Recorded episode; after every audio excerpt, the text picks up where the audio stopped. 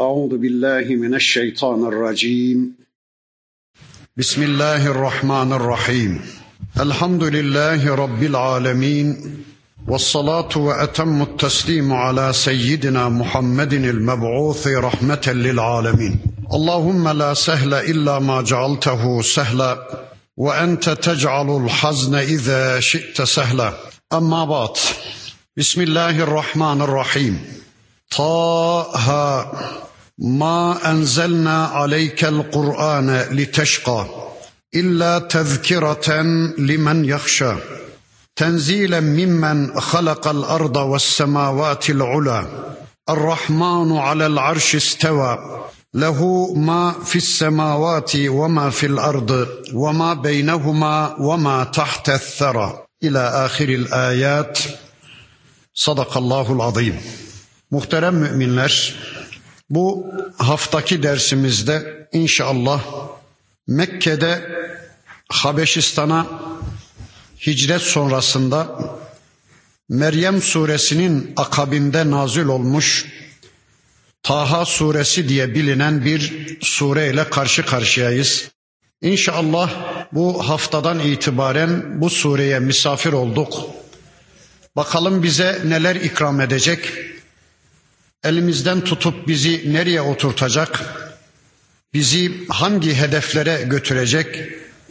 Bize ne tür şerefli bilgiler sunacak? İnşallah bu haftadan itibaren bu sureyi tanımaya başlıyoruz. Rivayetlere göre Taha suresi Hazreti Ömer Efendimizin dirilişine sebep olan suredir.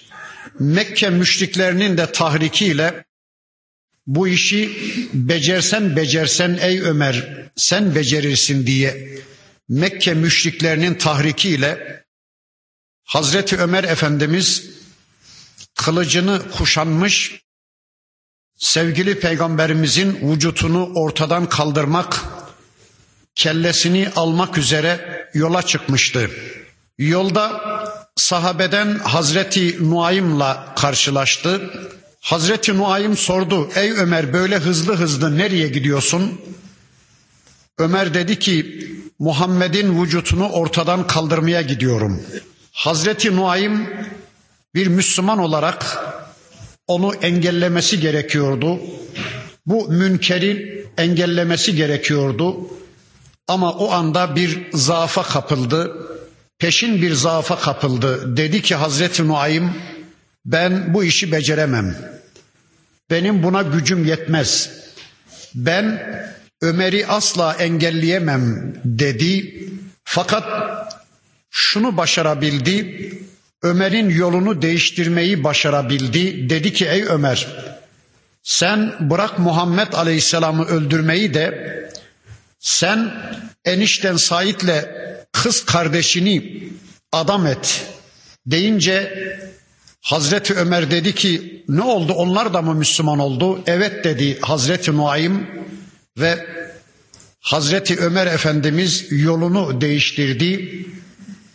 Eniştesi Said'le kız kardeşi Fatıma'nın evine yöneldi. Eve yaklaştığı zaman içeriden Kur'an okuduklarının farkına vardı. Bu sure yeni nazil olmuştu. Taha suresi kız kardeşiyle eniştesi bu sureyi okuyorlardı. Hazreti Ömer'in geldiğini öğrenen kız kardeşi ve eniştesi ellerindeki ceylan derileri üzerine yazılmış olan Taha suresinin nushasını hemen minderin altına sakladılar. Ama Ömer işin farkına varmıştı. İçeri girdi. Siz de mi Müslüman oldunuz diye eniştesi Said'i dövmeye başladı. Kız kardeşi Fatıma bir ceylan çevikliğiyle kendisini kocasının önüne attı, siper yaptı. Onu da dövmeye başladı Ömer Efendimiz. Ağzı yüzü kan çanağına dönmüş Fatıma annemiz öyle korkunç bir tavır ortaya koydu ki dedi ki ey Ömer vallahi biz de Müslüman olduk. Hiç kimseden korkumuz yoktur. İşte karşındayız öldüreceksen öldür bizi dedi. Fatıma anamızın o tavrı Ömer Efendimiz'i dirilti verdi. Dizlerinin bağı çözüldü, sakinledi. Dedi ki şu okuduğunuz Kur'an nusasını bir de bana verin bir de ben okuyayım dedi. Verdiler Taha suresini baştan itibaren okumaya başladı. Okudukça Ömer'in dizlerinin bağı çözüldü. Olduğu yere yığılıp kaldı. İçine iman girdi. İçinde fırtınalar kopmaya başladı. Dedi ki beni de Muhammed'e götürün sallallahu aleyhi ve sellem. Ben de iman edeceğim dedi ve götürdüler. Hazreti Ömer Efendimiz oracıkta Müslüman oldu. Hazreti Ömer Efendimizin dirilişine sebep olan bir sureyle karşı karşıyayız. Ancak burada madem bu konuya girdik kısa bir tespitte bulunalım. Bir münker karşısında muayim tavrını sergilememeliyiz. Münker karşısında peşin bir zaafa kapılmamalıyız. Ben bunu değiştiremem. Benim buna gücüm yetmez. Ben bu kötülüğü engelleyemem diye peşin bir zaafa kapılırsanız başaramazsınız. Allah da desteğini çekiverir. Ama bir münker karşısında, bir kötülük karşısında Fatıma anamızın rolünü oynayabilirsek eğer hiç korkmadan cesurca Allah'a güvenerek o münkeri değiştirme kavgası içine girebilirsek Allah bize yardımcılar gönderir. Allah bize yardım ediverir. Öyleyse bir münker karşısında Nuaym rolünü değil Fatıma rolünü oynamamız gerekiyor. Bir tek örnek vereyim. Bir defasında yıllar önce İstanbul'a gidiyordum. Sabah namazı vakti oldu. Mavine dedim ki kardeş şöyle bir benzin istasyonunda bir 5-10 dakika durursanız namaz kılalım namazımız geçiyor dedim. Duramayız abi dedi. Dedim sen bir de şoföre söyle. Gitti söyledi geldi. Şoför da demiş ki yasak duramayız. Ben şöyle yerimden kalktım. O saatlerde otobüsün içinde herkes uyuyordu. Şöyle şoföre doğru biraz yaklaştım. Herkes duysun diye arabanın içinde namaz kılan insan varsa bana destek çıksınlar diye az yüksek sesle dedim ki şoför efendi sabah namazı vakti geçiyor Müslümanız dedim ya. Şöyle bir kenarda bir 5-10 dakika dursan da namaz kılsak dedim. Olmaz diye bağırdı. Sonra ben arkaya doğru geçtim. Çantam vardı yukarıda aldım. Otobüsün tam ortasında herkesin duyabileceği bir şekilde ben Müslümanım. Ben namaz kılmak zorundayım. Sen de durmak zorundasın. Durmuyorsan inecek var. Ben iniyorum dedim. Hemen fren yaptı. Uyananlar oldu, böyle bakanlar oldu filan ama kimsede ses yok. Ben indim. Otobüs yürüdü. Şöyle arkama baktım az uzakta ışıklar, önde biraz daha yakın ışıklar var. Herhalde ileride bir benzin istasyonu filan vardır dedim. O tarafa doğru yürümeye başladım. Otobüs biraz gitti. Sonra durdu ve gerisin geriye gelmeye başladı. Bana doğru gelmeye başladı. Yanıma kadar geldi. Mavin indi. Arkadaş dedi ya in misin, cin misin, kimsin, necisin dedi. Gel bin de az ileride duralım. Namazını kıl dedi. Yo bilmem dedim. Gidin bilmiyorum. Sizin arabanıza binilmez dedim. Aşağıya üç beş tane yolcu Müslüman indiler. Neyse koluma girdiler. Beni arabaya bindirdiler. Az ileride bir benzin istasyonunda otobüs durdu. Ben indim benimle beraber 15 tane Müslüman namaz kılmaya indi. Dedim ya siz az evvel neredeydiniz? E valla bilemedik dediler. Ya böyle şey olur mu? Meğer otobüs beni bırakıp yürüdükten sonra otobüsün içinde tartışma başlatmışlar. Uyananlar demişler ki ya ne yapıyorsunuz? Adam namaz kılacağım diyor. Siz kırın yüzünde adamı bırakıp gidiyorsunuz. Sizin otobüsünüze bundan sonra binersek filan diye bağırıp çağırmalar başlayınca Allah onu onları bana yardımcı gönderince şoför korkmuş durmuş gerisin geriye gelip beni onun için almış. Bakın az evvel ben otobüste yalnız gibiydim. O münkeri değiştirme gücüne sahip değilmiş gibiydim. Yani o otobüsü durduramayacak sanki bir durumdaydım. Gücüm kuvvetim yok gibiydi ama meğer otobüsün içinde en az benim gibi namaz kılma heyecanı içinde olan 15 kişi varmış. O 15 kişiyi Allah benim desteğime, yardımıma gönderi verdi. Böylece otobüs de durdu, namazımızı da kıldık. Yani bir kötülüğü değiştirmeye başlamadan önce peşin peşin bir zaafa kapılmak ben bunu başaramam, ben bunu beceremem, benim buna gücüm yetmez demek caiz değil. Hele bir başlayalım. Allah bize yardımcılar gönderecektir. İşte Hazreti Ömer Efendimizin dirilişine sebep olan bir sureyle karşı karşıyayız. İnşallah surenin ayetlerini tek tek okumaya başlayalım. Taha dinleyin şu anda Allah konuşuyor. Bu söz insan sözüne benzemez. Allah konuşuyor olarak dinleyin, iman etmek üzere dinleyin, yarınki hayatınızı düzenlemek üzere dinleyin diye Rabbimiz sure başlarında böyle bir dikkat çekmede bulunur. Ma enzelna aleykel Kur'ane liteşka. Ey peygamberim biz bu kitabı senin huzurunu kaçıralım diye indirmedik. Biz bu kitabı seni üzelim diye, seni mutsuz kılalım diye indirmedik. Ne oluyor sana ey peygamberim? Bu kitabın geldiği andan itibaren gülmeyi unuttun, yemeği içmeyi unuttun, uykuyu durağı unuttun. Ne oluyor sana ey peygamberim? Bu kitabı biz seni üzmek için göndermedik. Seni mutsuz kılmak için, huzursuz kılmak için göndermedik. Bu kitap sana geldiği andan itibaren insanlar bu kitapla ilgilenmiyorlar diye, insanlar bu kitabı okumuyorlar diye, insanlar bu kitabın istediği Müslümanlığa yönelmiyorlar diye neredeyse ey peygamberim kendini yiyip bitirecek bir noktaya geliyorsun. Uykuyu durağı kaybediyorsun. Kendini ihmal ediyorsun. Ne oluyor sana ey peygamberim? Sana böyle bir yük yükledik mi? Sana böyle bir sorumluluk yükledik mi? Ey Muhammed sen ne yapıp yapıp bu kitabı insanların kafasına sokmakla mükellefsin? Sen ne yapıp yapıp bu kitabın ayetlerini insanların kalbine yerleştirmekle mükellefsin? Eğer bunu beceremezsen kendini yiyip bitirmek zorundasın diye. Eğer bunu beceremezsen sen cehenneme gidenlerden sorumlusun. Biz cehenneme giden insanların hesabını senden soracağız diye bir ayet indirdik mi? Böyle bir sorumluluk yükledik mi ey peygamberim? Ne oluyor sana? İlla tezkiraten limen yahşa.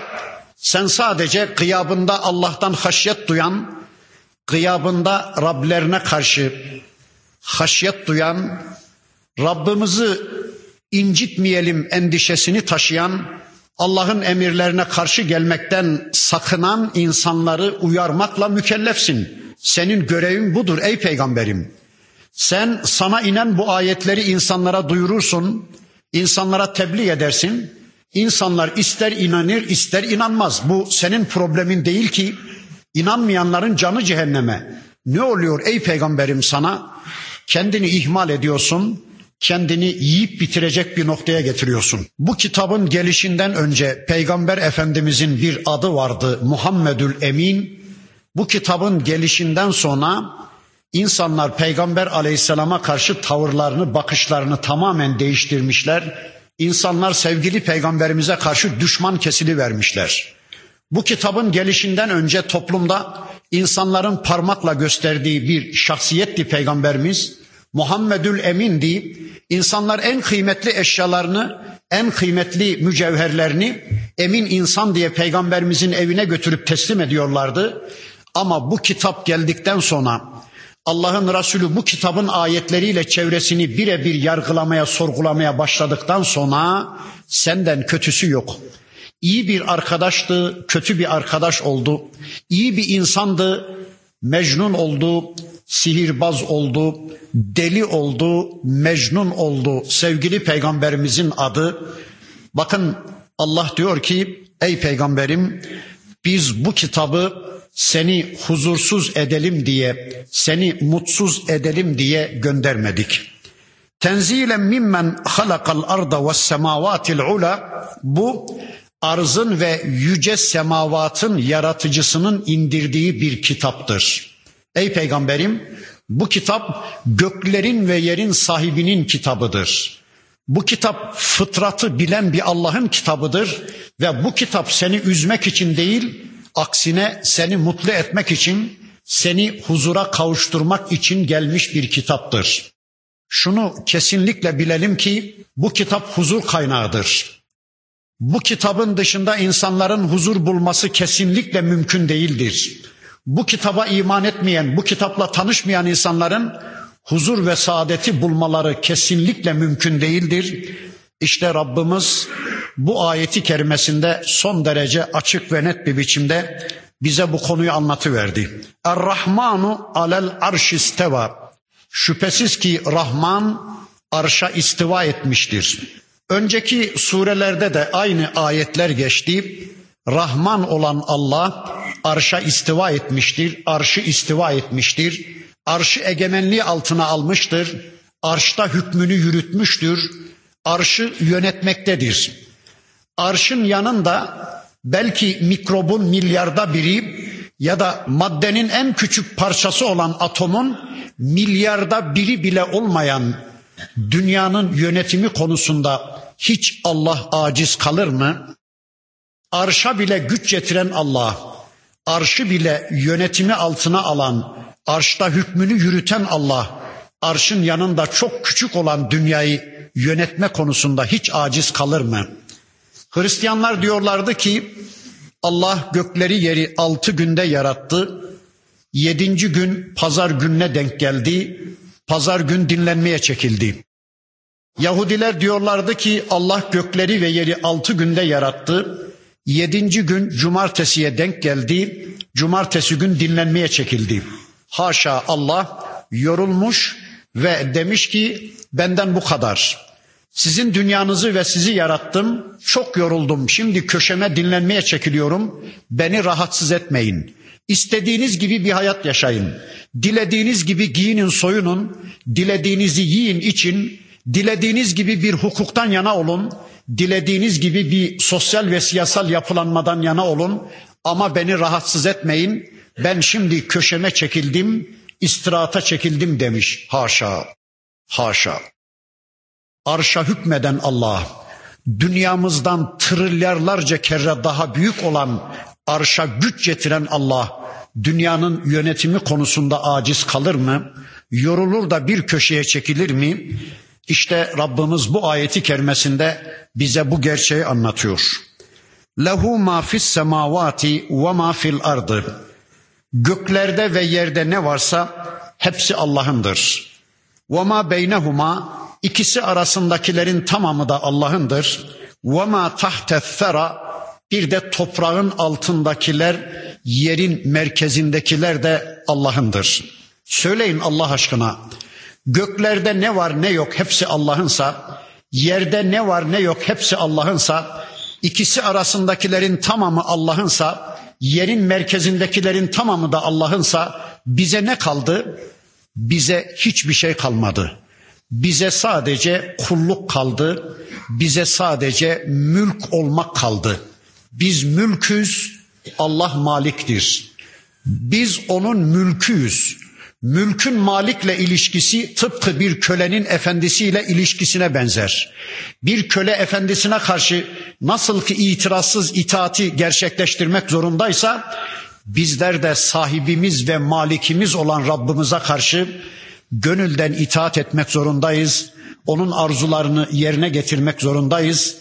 İşte mülkün malikle ilişkisi tıpkı bir kölenin efendisiyle ilişkisinden farksızdır. Ve in teçher bil kavli sözü açığa vursan da gizlesen de fe innehu ya'lemu sirra ve ahfa şüphesiz ki o Allah gizliyi de bilir, gizlinin gizlisini de bilir. Sözü ister açığa vurun, ister gizleyin Allah için fark etmez. Allah gizliyi de bilir, gizlinin gizlisini de bilir. Ne demek o? Yani şu anda kalbinizden bir duygu, bir düşünce geçirseniz onu Allah bilmektedir. Eğer ömrünüz varsa 10 yıl sonra kalbinizden geçireceğiniz, kafanızdan geçireceğiniz niyetlerinizi, duygularınızı da şu anda Allah bilmektedir. Allah gizliyi de bilir, gizlinin gizlisini de. Bugün gizlediklerinizi de, yarın gizleyeceklerinizi de Allah bilmektedir. Ya da o Allah gizliyi bilir ve akfa lakin kendisi gizlidir, gizlinin gizlisidir. Her şey Allah'a açıktır ama Allah herkese ve her şeye kapalıdır. Allah her şeyi bilir ama hiçbir kimse Allah'ı bilemez. Allah'ın zatını, Allah'ın künhünü bilmemiz mümkün değildir. Allah bu kitabında kendini bize ne kadar açmış, açımlamışsa biz ancak o kadarını biliriz. Bir de Allah sevgili elçisine kendisini nasıl tanıtmışsa, ne kadarını bildirmişse biz ancak o kadarını biliriz. Bunun dışında kitap ve sünnetin dışında Allah konusunda bilgi elde edebileceğimiz bir kaynağımız da yoktur. Allah gizlinin gizlisidir. İşte kendisiyle alakalı bir bilgi Allahu la ilahe illahu. Allah'tan başka ilah yoktur. Allah'tan başka sözü dinlenecek varlık yoktur. Allah'tan başka çektiği yere gidilecek varlık yoktur. Allah'tan başka yasaları uygulanacak varlık yoktur. Allah'tan başka gözü kapalı emir ve yasaklarına teslim olunacak varlık yoktur. Lehul esmaul husna ve en güzel isimler de Allah'a aittir. Bir önceki surede de geçti. Mecburen yine bir şeyler söyleyeceğiz. Sevgili peygamberimizin bir hadisinin beyanıyla Rabbimizin 99 ismi vardır. Ve biz o isimleri ezberlemek, o isimlerin muhtevalarını kafamızda canlı tutmak, o isimlerle Rabbimizle iletişim kurmak zorundayız. Araf suresinde Allah diyordu ki: "Velehul esmaul husna." En güzel isimler ona aittir. Fed'uhu biha. O isimlerle Rabbinize dua edin. Allah söylüyor. En güzel isimler Allah'a aittir. Dua ederken en güzel isimleriyle Allah'a dua edin. En güzel isimleriyle Allah'la iletişim kurun. Yani duanızın konusu Allah'ın hangi ismiyle mütenasipse o ismiyle Rabbinize dua edin. Mesela bir rızık problemi mi yaşıyorsunuz? Ekonomik bir sıkıntı mı yaşıyorsunuz? Karnınızın doymayışından mı şikayetçisiniz? Ya Razzak, Ya Razzak diye eğer dua ederseniz Allah vaat ediyor ben duanızı kabul ederim. Bir organik hastalığınız mı var? Bir göz ağrınız, bir diş ağrınız mı var? Bir mide ağrınız mı var? Ya Şafi, Ya Şafi diye ey şifa veren, ey şifa veren diye duaya başlarsanız Allah duanızı kabul edeceğini vaat ediyor. Bir günah işlediniz de bağışlanmak mı istiyorsunuz? Ya Gaffar, Ya Gaffar diye dua edin. Allah'ın o ismiyle iletişim kurarak Allah'a dua edin. Allah duanızı kabul edeceğini vaat ediyor. Bir düşman peşinizde de kaçıp kurtulmak mı istiyorsunuz? Ya hafız, ya hafız diye dua edin. Allah sizi koruyacaktır. Bir suç işlediniz de ele aleme rezil olmayayım. Aman şu suçumu kim bilmesin ve duymasın diye bir sıkıntı mı yaşıyorsunuz? Ya settar, ya settar, ey örtücü, ey örtücü diye dua edin. Allah duanızı kabul edecektir. Bundan sonra Rabbimiz yasal imamlarımızdan Hazreti Musa Aleyhisselam'ı gündemimize taşıyacak. Bakın buyurur ki ve hel etake hadisu Musa. Ey peygamberim sana Musa'nın haberi geldi mi? Musa'nın sergüzeşli hayatına muttali oldun mu? Bir başka surede de hel etake hadisul cunud. Sana orduların haberi geldi mi ey peygamberim diyordu Rabbimiz. İkisi de aynı konu. Birisi ordulardan kasıt yeryüzünün en süper ordularına sahip olan Firavun'un ordularının haberi sana geldi mi ey peygamberim? Burada da Musa'nın haberi sana ulaştı mı ey peygamberim diyor. Bakın bu konu Musa Aleyhisselam'ın Firavun'la kavgasını anlatan konu kitabımızın birçok yerinde zikredilir. Sebep ne? Sebep şu. Peygamber Efendimizin bunaldığı, daraldığı her bir dönemde Rabbimiz bu kavgayı onun imdadına yetiştiriyor. Musa Aleyhisselam'la Firavun'un kavgasını Peygamber Efendimizin gündemine getiriyor. Böylece şunu söylüyordu. Ey peygamberim ne oluyor sana? Yeryüzünün en süper gücüne sahip olan bir dünya devletinin meliki olan Firavun'u bir tek insan karşısında, bir tek Musa karşısında nasıl yerle bir etmiş ve Musa Aleyhisselam'ı onun karşısında nasıl destekleyip galip getirmişsem Seni de bütün dünyaya galip getireceğim. Bu konuda zerre kadar bir endişen olmasın. Ne oluyor sana? Niye üzülüyorsun ey peygamberim? Niye gamlanıyorsun diye Kur'an'ın her bir bölümünde sevgili peygamberimizin daraldığı, bunaldığı her bir atmosferde Rabbimiz bu kıssayı peygamber efendimizin gündemine getirmiş. Şu anda biz yeryüzünün 20. asrın gariban Müslümanlarının gündemine de inşallah bu maksatla Rabbimiz getiriyor. Neymiş konu? Bir savaş var ama dengesiz bir savaş.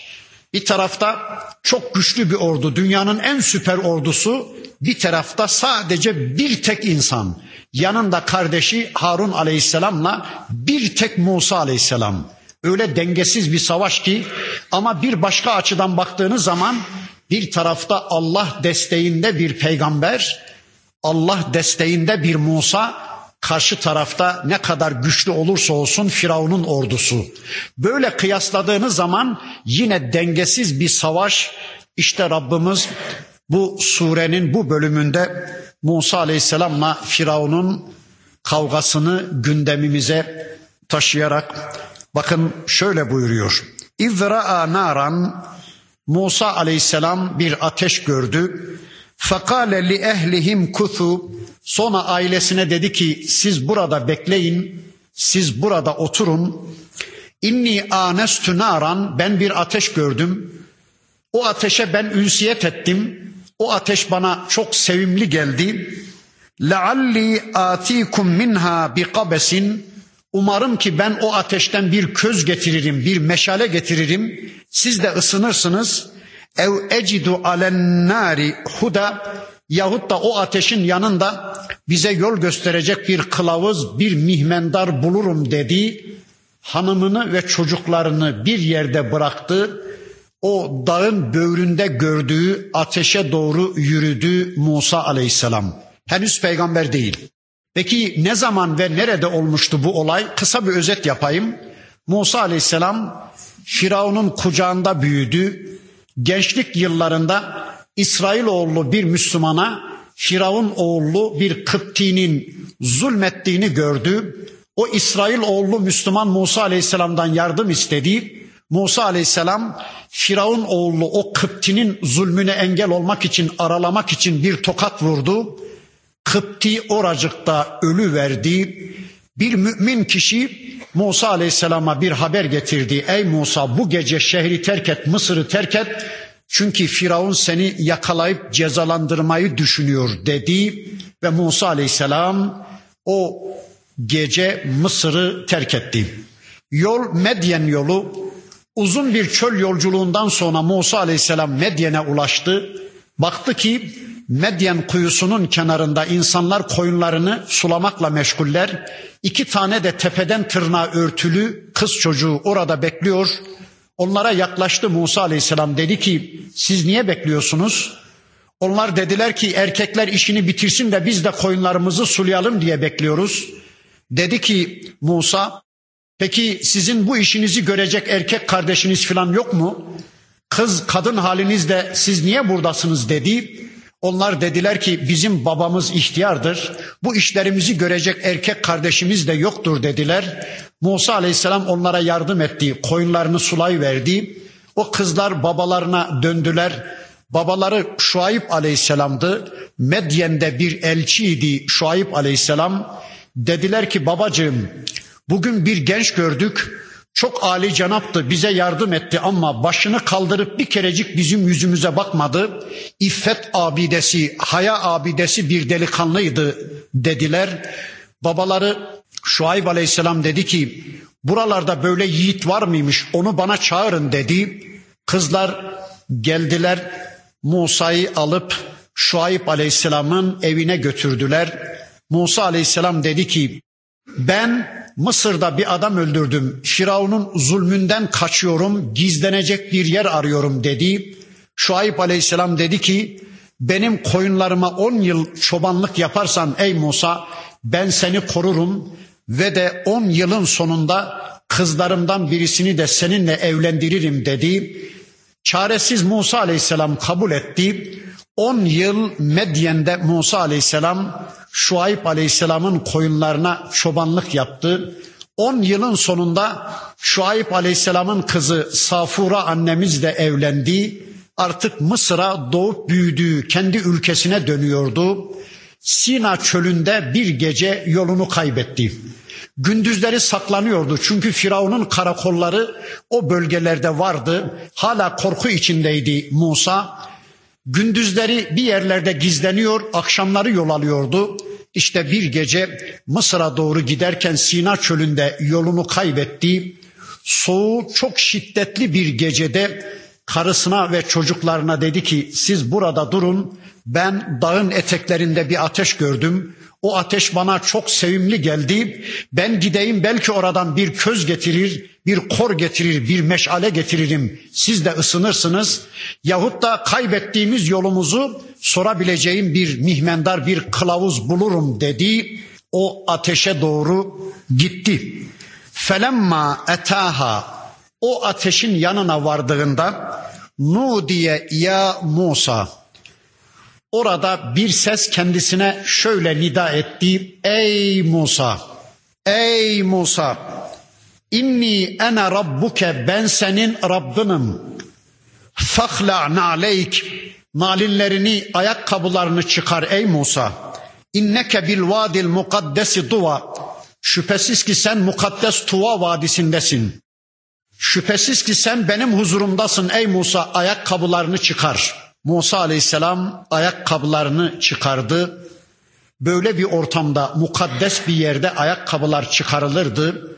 Onun içindir ki biz Kabe-i Muazzama'ya girerken ayakkabılarla giremeyiz. Ayakkabılarımızı çıkarmak zorundayız. Devam ediyor bakın Rabbimizin sözleri. Ve en ahtartuke. Ey Musa ben seni seçtim. Ben seni kendime seçtim. Ben seni seçilmişlerden kıldım. Ben seni elçi yaptım. Festemi' lima yuha sana sözlerimi iyi dinle. Benim vahyime iyi kulak ver. Bütün himmetinle, bütün gayretinle, bütün ciddiyetinle benim sözlerime kulak ver ey Musa. Ben seni elçi seçtim. Allahu Ekber.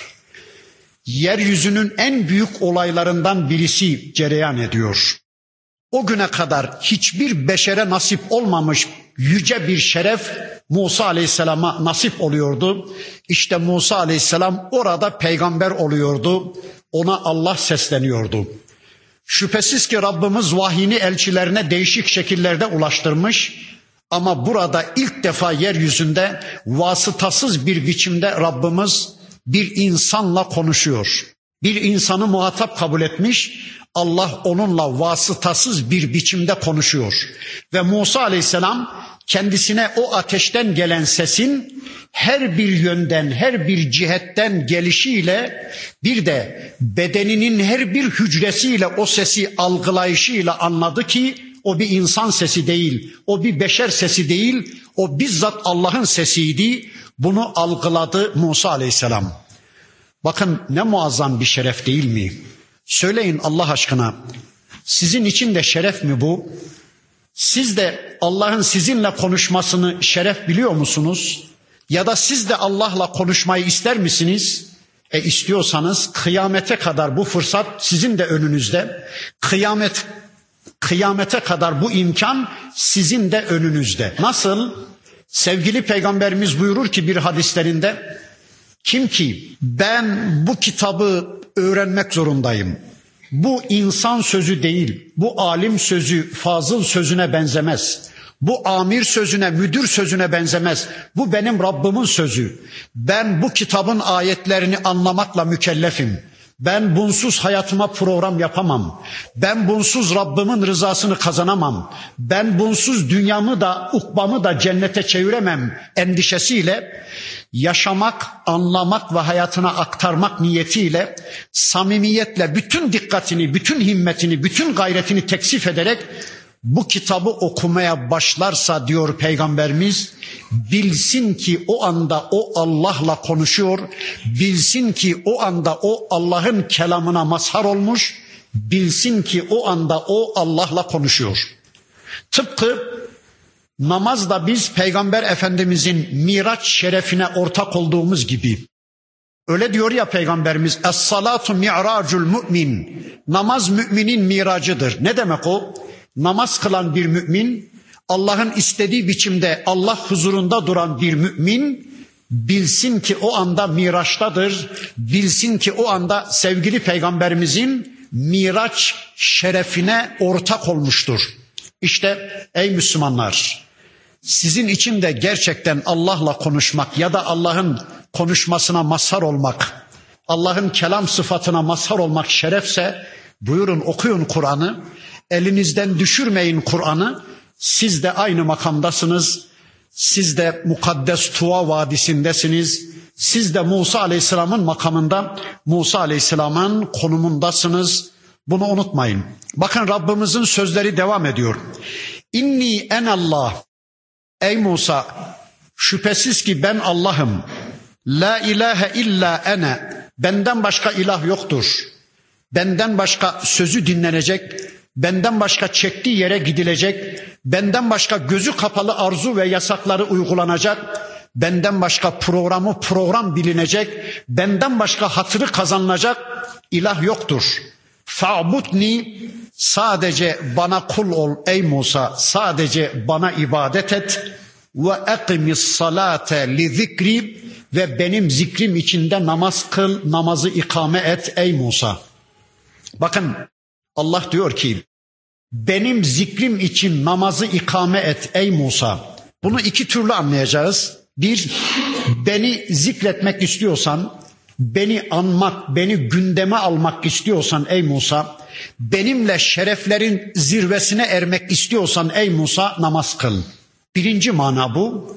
Eğer bir Müslüman Allah'ı gündeme almak istiyorsa, eğer bir Müslüman Allah'la şereflerin zirvesine ermek istiyorsa, eğer bir Müslüman güç kaynağıyla irtibata geçmek istiyorsa namaz kılmak zorundadır. İkinci anlamı da benim seni zikretmem için, benim seni anmam için, benim seni gündeme almam için, benim seni korumam altına almam için ey Musa namaz kıl. Eğer bir Müslüman Rabbim beni gündemine alsın, Rabbim beni zikretsin, Rabbim beni koruması altına alsın. Rabbimin desteği sürekli arkamda olsun. Rabbim beni koruması altına alsın diyorsa, bir Müslüman bunu istiyorsa, ben sürekli Rabbimin yardımıyla başarıdan başarıya koşayım diyorsa, o namaz kılmak zorundadır, namazı ikame etmek zorundadır. Her iki anlam da doğrudur. Benim zikrim için namazı ikame et ey Musa. Bakın dikkat ederseniz her bir peygambere Rabbimizin ilk ameli farizası namazdı. Hazreti Adem atamızdan son elçi Hazreti Muhammed Aleyhisselam'a kadar gelmiş geçmiş bütün elçilerine Rabbimizin ilk ameli farizası namazdı. Çünkü bir peygamberin risalet gibi, elçilik gibi o ağır görevinin sorumluluğunu yerine getirebilmesi için o peygamberin namaza ihtiyacı vardı. O peygamberin Allah'la diyaloğa ihtiyacı vardı. O peygamberin Allah desteğine ihtiyacı vardı. O peygamberin Allah korumasına ihtiyacı vardı. Onun için Rabbimiz her bir peygamberine ilk emir olarak namazı farz kıldı. Bakın burada önce tevhidi anlattı Rabbimiz. İnni enallahu la ilahe illa ene. Ey Musa ben Allah'ım. Benden başka ilah yoktur dedikten sonra hemen arkasından dedi ki ve akimis salate li zikri. Benim zikrim için namaz kıl ey Musa. Namaz müminin imanının dışa sızan bölümüdür. Namaz müminin imanının dışa yansıyan, dışa vuran bölümüdür. Yani bir insanın kalbinde iman var mı yok mu anlamak istiyorsanız onun namazına bakıverin. Namazı varsa onun imanı vardır, namazı yoksa onun imanı yoktur. Çünkü namaz müminin kimliğidir. Mekke müşrikleri bir dönem Müslümanları tespit etmek için namazı kullanıyorlardı. Bir insanın peşine bir vakit düştükleri zaman o insan mecburen o vakit içinde namaz kılıp imanını dışa vurmak zorundaydı. Yakalayın bir Müslüman da orada var diye namazıyla Müslümanları tespit ediyorlardı. Bugün de öyle değil mi? Bir yerlerde namaz kılanları atanlar da alınlarındaki secde izlerinden ya da dizlerindeki o ütünün bozulduğu yerden, secde izinden anlayıp da filan ya da falan yerden atmaya çalışmıyorlar mı? Bugün de Müslümanın kimliği namazdır. Bugün de Müslümanı kafirler namazıyla bilmekte, namazıyla bulabilmekte, tespit edebilmektedir. Çünkü namaz müminin kimliğidir, namaz müminin şahsiyetidir. Namaz bir müminin, bir kişinin iman ve küfürden hidayete, tevhide geçişinin ilk ameli tatbikatıdır. Küfür ve şirkten İslam'a geçen bir kişinin ilk yapacağı şey hemen gusül abdesti alıp iki rekat namaz kılmaktır. Çünkü namaz mümini kafir ve müşrikten ayıran en belirgin özelliktir. Öyleyse ey Müslümanlar aman ha namaza dikkat edin. Yemeği ihmal edebilirsiniz. Suyu ihmal edebilirsiniz. Teneffüs ettiğiniz havayı ihmal edip unutabilirsiniz ama namazı aman ha unutmayın. İnne saate atiyetun devam ediyor Rabbimizin sözleri. Kıyamet mutlak gelecektir. Ekadu uhfiha neredeyse ben onu kendimden bile gizleyecektim. Allah öyle diyor. Neredeyse ben kıyameti kendimden bile gizleyecektim. Ne zaman kopacağını. Evet gizlemiş Allah herkesten. Kimse bilmez. Hazreti Muhammed Aleyhisselam bilmez. Cibril hadisinde biliyorsunuz Cebrail Aleyhisselam kıyametin ne zaman kopacağını sordu sevgili peygamberimize. Allah'ın Resulü buyurdu ki mel mes'ulu anha bi a'leme mines sail ey Cebrail sorulan sorandan daha fazla bilgi sahibi değildir bu konuda dedi. Sen ne kadar biliyorsan ben de o kadar biliyorum. Sen nasıl kıyametin ne zaman kopacağı konusunda bilgi sahibi değilsen ben de bilgi sahibi değilim dedi. Peygamberimiz bilmez. Cebrail aleyhisselam bilmez. Hatta kıyametin surunu ağzına almış şu anda bekleyen, emir bekleyen, haber bekleyen İsrafil aleyhisselam bile kıyametin ne zaman kopacağını, o suru ne zaman üflemeye başlayacağını o dahi bilmez. Kimse bilmez Allah'tan başka. Bakın diyor ki neredeyse ben onu kendimden bile gizleyecektim. Niye? Çünkü gizli olunca Müslümanlar uyanık olacak. Bugün mü yarın mı? Bir dakika sonra mı? Beş dakika sonra mı? Ne zaman kopacak? Aman tevbeyi geciktirmeyeyim, aman namazı geciktirmeyeyim, aman şu kulluğu bir an evvel icra edeyim diye Müslümanlar uyanık olacaklar, diri olacaklar diye Rabbimiz kıyametin ne zaman kopacağını gizleyi vermiş. Sonra diyor ki bakın li tujza kullu nefsin bima tes'a herkes ameliyle netice bulsun diye herkes ameliyle karşı karşıya gelsin, amelinin neticesiyle buluşsun diye kıyamet mutlak gerçekleşecektir. Eğer ölüm sonrası bir diriliş olmasaydı, hesap kitap olmasaydı, cennet cehennem olmasaydı, inanın şu dünyanın beş paralık bir değeri kalmazdı. Hiçbir anlamı kalmazdı. Yani eğer yaptıklarımız yanımıza kar kalacak olsaydı, bir hesap kitap olmasaydı hiçbir güçle zalimin önüne geçemezdiniz, zalimi durduramazdınız. Hiçbir güçle de mazluma yani Müslümana hayırlı ameller işletemezdiniz. Yani yaptıklarımız eğer boşa gidecekse, enayice bir tavırsa kimse iyilik yaptıramazdınız, kimseye iyilik yaptıramazdınız. Ve eğer bir cehennem olmasaydı, bir hesap kitap duygusu olmasaydı, zalimin önüne hiçbir güç ve kuvvetle geçemezdiniz. Güçlü güçsüzü ezerdi. Şunu öldüreyim de onun malına mülküne konayım. Şunu yok edeyim de onun karısı kızı benim olsun. Şunu yok edeyim de onun dünyası benim olsun diye güçlü zayıfı ezerdi. Zalimin önüne hiçbir güç ve kuvvetle çıkamazdınız. Eğer bir cehennem olmasaydı, bir cennet olmasaydı, bir diriliş olmasaydı, hesap kitap olmasaydı, işte Rabbimiz diyor ki herkes yaşadıklarının neticesine ulaşsın diye kıyamet mutlaka kopacaktır. Fela yasuddenneke fela yasuddenneke anha Ey peygamberim sakın ha seni hesap kitap duygusundan uzaklaştırmasın seni kıyametin gerçekleşeceği şuurundan seni uzaklaştırmasın kim? Men la yu'minu biha. O kıyamete, o ahiret gününe, o hesaba kitaba inanmayan kimseler vettebea hevahu bir de kendi heva ve hevesleri istikametinde bir hayat yaşayanlar sakın ha sana ahireti unutturmasınlar. Ahiretin gerçeğini sana unutturmasınlar. Fe terda o zaman helak olur gidersin, mahvolur gidersin ey peygamber, ey Musa. Şimdi bakın konuştu, konuştu, konuştu Rabbimiz. Musa aleyhisselama bir soru soracak.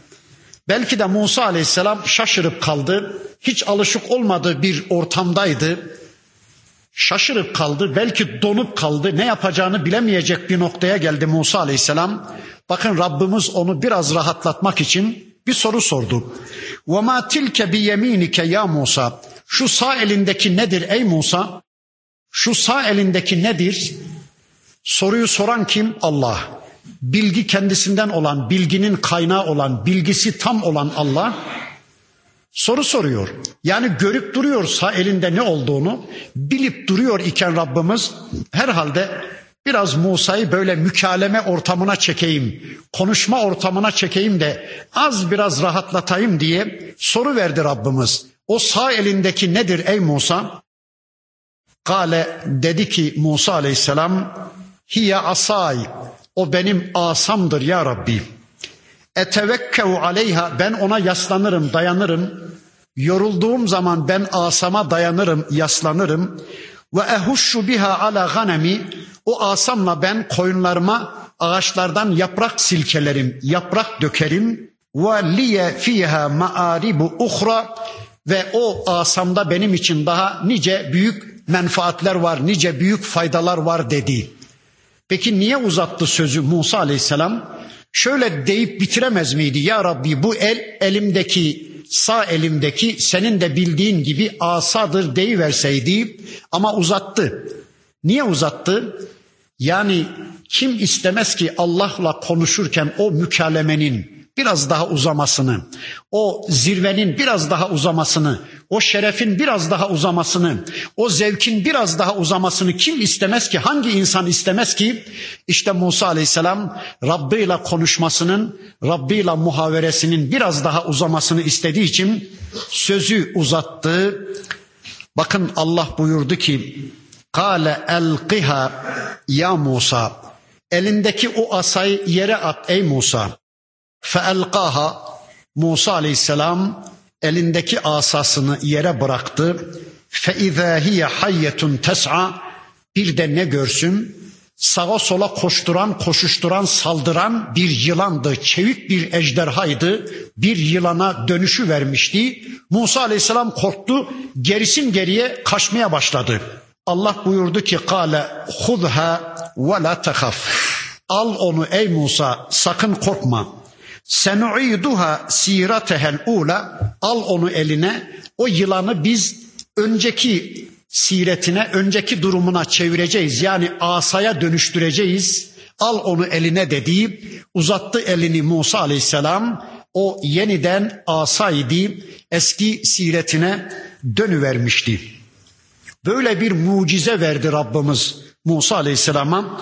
Sonra buyurdu ki vazmum yedeke ila cenahike tahruç beyza'e min gayri su'in ayeten uhra. Bir de ey Musa ikinci bir ayet olarak elini koynunun altına sok sonra çıkar ki hiçbir rahatsızlığın olmadığı halde, hiçbir hastalığın olmadığı halde elin nur saçan bembeyaz bir el haline dönüşü versin. Soktu elini koynunun altına çıkardı. Bir de ne görsün? Eli bembeyazdı. Bakanların bakmasını bile zorlaştıracak, gözünün ferini bile alacak biçimde parlak nur saçan bir el haline gelivermişti. Malcolm X kendisi zencidir. Bu ayeti tefsir ederken demiş ki Musa aleyhisselam da zenciydi de böylece Allah onun elini normal beyaz bir insan eline çeviri vermişti filan diyor. Musa'yı da zenci yapmaya çalışmış. Hadi olsun bakalım ama öyle değil. Öyle değil mesele. Musa aleyhisselamın eli mucizevi bir biçimde nur saçan bir el haline dönüşü verdi. Şimdi bakın bir zirve gerçekleşti. İşte zirve bu. İşte zirve bu. İşte en büyük toplantı bu. Bu zirveden bir karar çıkacak. Hani şimdi Amerika'da dört zibidi kendi kendilerine bir zirve falan yaparlar. Perde arkasında ne kadar içki içtilerse sarhoş sarhoş çıkarlar. Sanki tüm dünyayı ilgilendiren büyük kararlar alınmış gibi zirvenin sonunda çıkan karar falan diye yani lüzumsuzca böyle artistçe şeyler yaparlar ya öyle değil. Zirve burada işte zirve. Bir tarafta Allah, göklerin ve yerin Rabbi Allah, bir tarafta bir insan, ikisi arasında bir zirve gerçekleşti. Bu zirvenin sonunda da bir karar alınacak. Ne o? Bir dünya devleti, yeryüzünün en süper devleti, tüm dünya egemen olan Firavun'un orduları bitecek. Karar bu. Zirveden bir karar çıktı. Biraz sonra o kararı Rabbimiz bakın Musa Aleyhisselam'a şöylece bildirecek. Li nuriyeke min ayatinel kubra. Daha daha büyük ayetlerimizi sana göstermemiz için ey Musa iki tane ayet gösterdi. Bir asa mucizesi asa yılana dönüştü. Bir de eli de nur saçan yedi beyza haline geldi. Bu iki ayetin, bu iki mucizenin dışında daha büyük ayetlerimizi sana göstermemiz için ey Musa İzheb ila firavune Firavun'a git innehu taga şüphesiz ki o azmıştır, tuğyan etmiştir, tağutluk yapmaktadır. Evet, zirvenin sonunda bir görev çıktı. Kime? Musa Aleyhisselam'a. Ne yapacaktı? Kucağında doğup büyüdüğü o yeryüzünün en zalim insanı Firavun'a gidecekti. Firavun'u İslam'a davet edecekti. Firavun'un köleleştirdiği İsrail oğullarını, o Müslümanları onun esaretinden kurtaracaktı. İşte Musa aleyhisselam Allah'tan böyle bir emir aldı. İzheb ila firavune. Firavun'a git ey Musa. İnnehu taga. Şüphesiz ki o tuğyan etmiştir, azgınlık yapmıştır. Tuğyan Allah karşısında bilgi iddiasında bulunmaktır.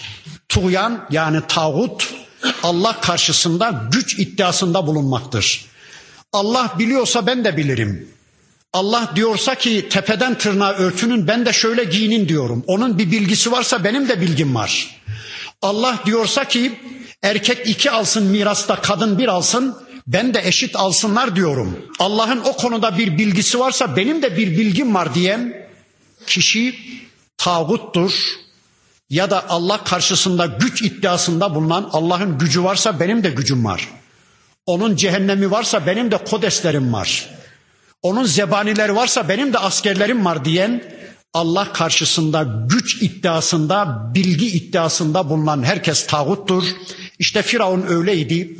Allah'ın yasalarını beğenmeyip kendi yasalarını Allah yasaları yerine ikame etmeye çalışan, Allah kullarını Allah'a kulluktan koparıp zorla kendisine kul köle edinmeye çalışan, ben sizin en büyük Rabbinizim diyen bir tağuttu, bir zalimdi. Allah onun ayağına Musa Aleyhisselam'ı gönderiyordu. Peki bu emri alır almaz Musa Aleyhisselam şöyle dedi mi? Ya Rabbi şu yaptığını beğendin mi? Yani yeryüzünün en şerefli bir peygamberini yeryüzünün en şerefsiz bir insanın ayağına gönderiyorsun öyle mi? Gitmem ya Rabbi olmaz o benim ayağıma gelsin. Kaç paralık adam o? Biz olsak böyle derdik değil mi? Kim o ya? Kaç paralık adam da ayağına gideceğim? O bana gelsin ya. Yeryüzünün en şerefli insanı, yeryüzünün en şerefsiz insanın ayağına mı gidecek? O benim ayağıma gelsin derdik biz olsaydık. Öyle değil. Gitmek zorundayız. Gitmek zorundayız. Ne biz Musa'dan daha şerefliyiz ne de bizim şu anda gitmekten çekindiklerimiz Firavundan daha şerefsiz. Öyle değil ya. Biz Musa'dan daha şerefli değiliz. Bizim şu anda gitmek zorunda olduğumuz o insanlar da Firavundan daha adi ve şerefsiz değil ama gitmiyoruz ya. Kendimizi pahalıya satıyoruz. Gitmek zorundayız. O tür insanlara gidelim ki uyaralım ki cennete gitsinler. Tağutluklarını bitirsinler. Olmayacaksa da Firavun gibi geberip gitsinler. Ama biz görevimizi yapalım. Musa aleyhisselam öyle filan demedi. Peki şöyle dedi mi? Ya Rabbi ani oldu. Bir medreseye filan gitsem. Az biraz şöyle Arapça filan öğrensem, biraz biraz Kur'an sünnet öğrensem ne konuşacağım, ne diyeceğim yani şimdi ben? Az biraz böyle bir hazırlık yapsam, Biraz biraz şöyle bir ilim ile filan meşgul olsam da hayır hayır hayır.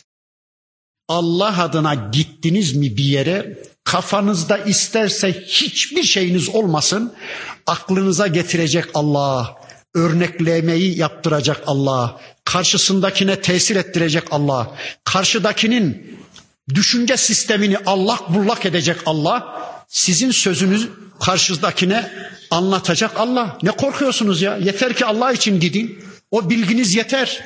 Sadece bakın Musa aleyhisselam şunu söyledi. Kale Rabbi şrahli sadri. Ya Rabbi benim sadrıma bir inşirah ver. Benim göksüme bir genişlik ver. Ya Rabbi ben sadece seni seveyim. Ahiret benim için birinci plan olsun. Dünyaya fazla değer vermeyeyim ya Rabbi. Bana kendini ve ahiretini, bana kulluğu öyle bir sevdir ki bir. iki, Ya Rabbi benim kalbimde korku namına, ürkü namına bir şey bırakma.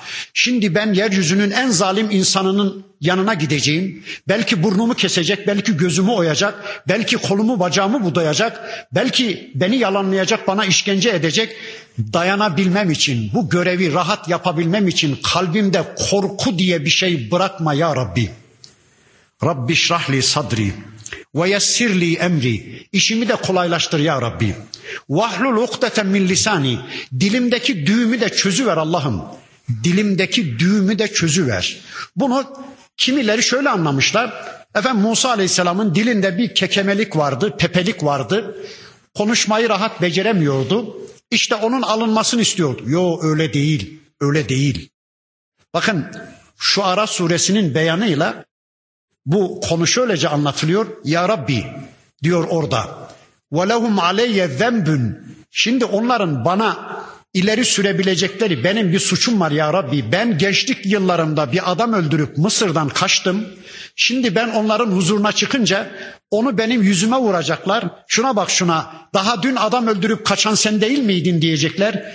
Ya Rabbi ben de şu anda bir suçluluk psikozu içindeyim. Dilim intikal etmiyor.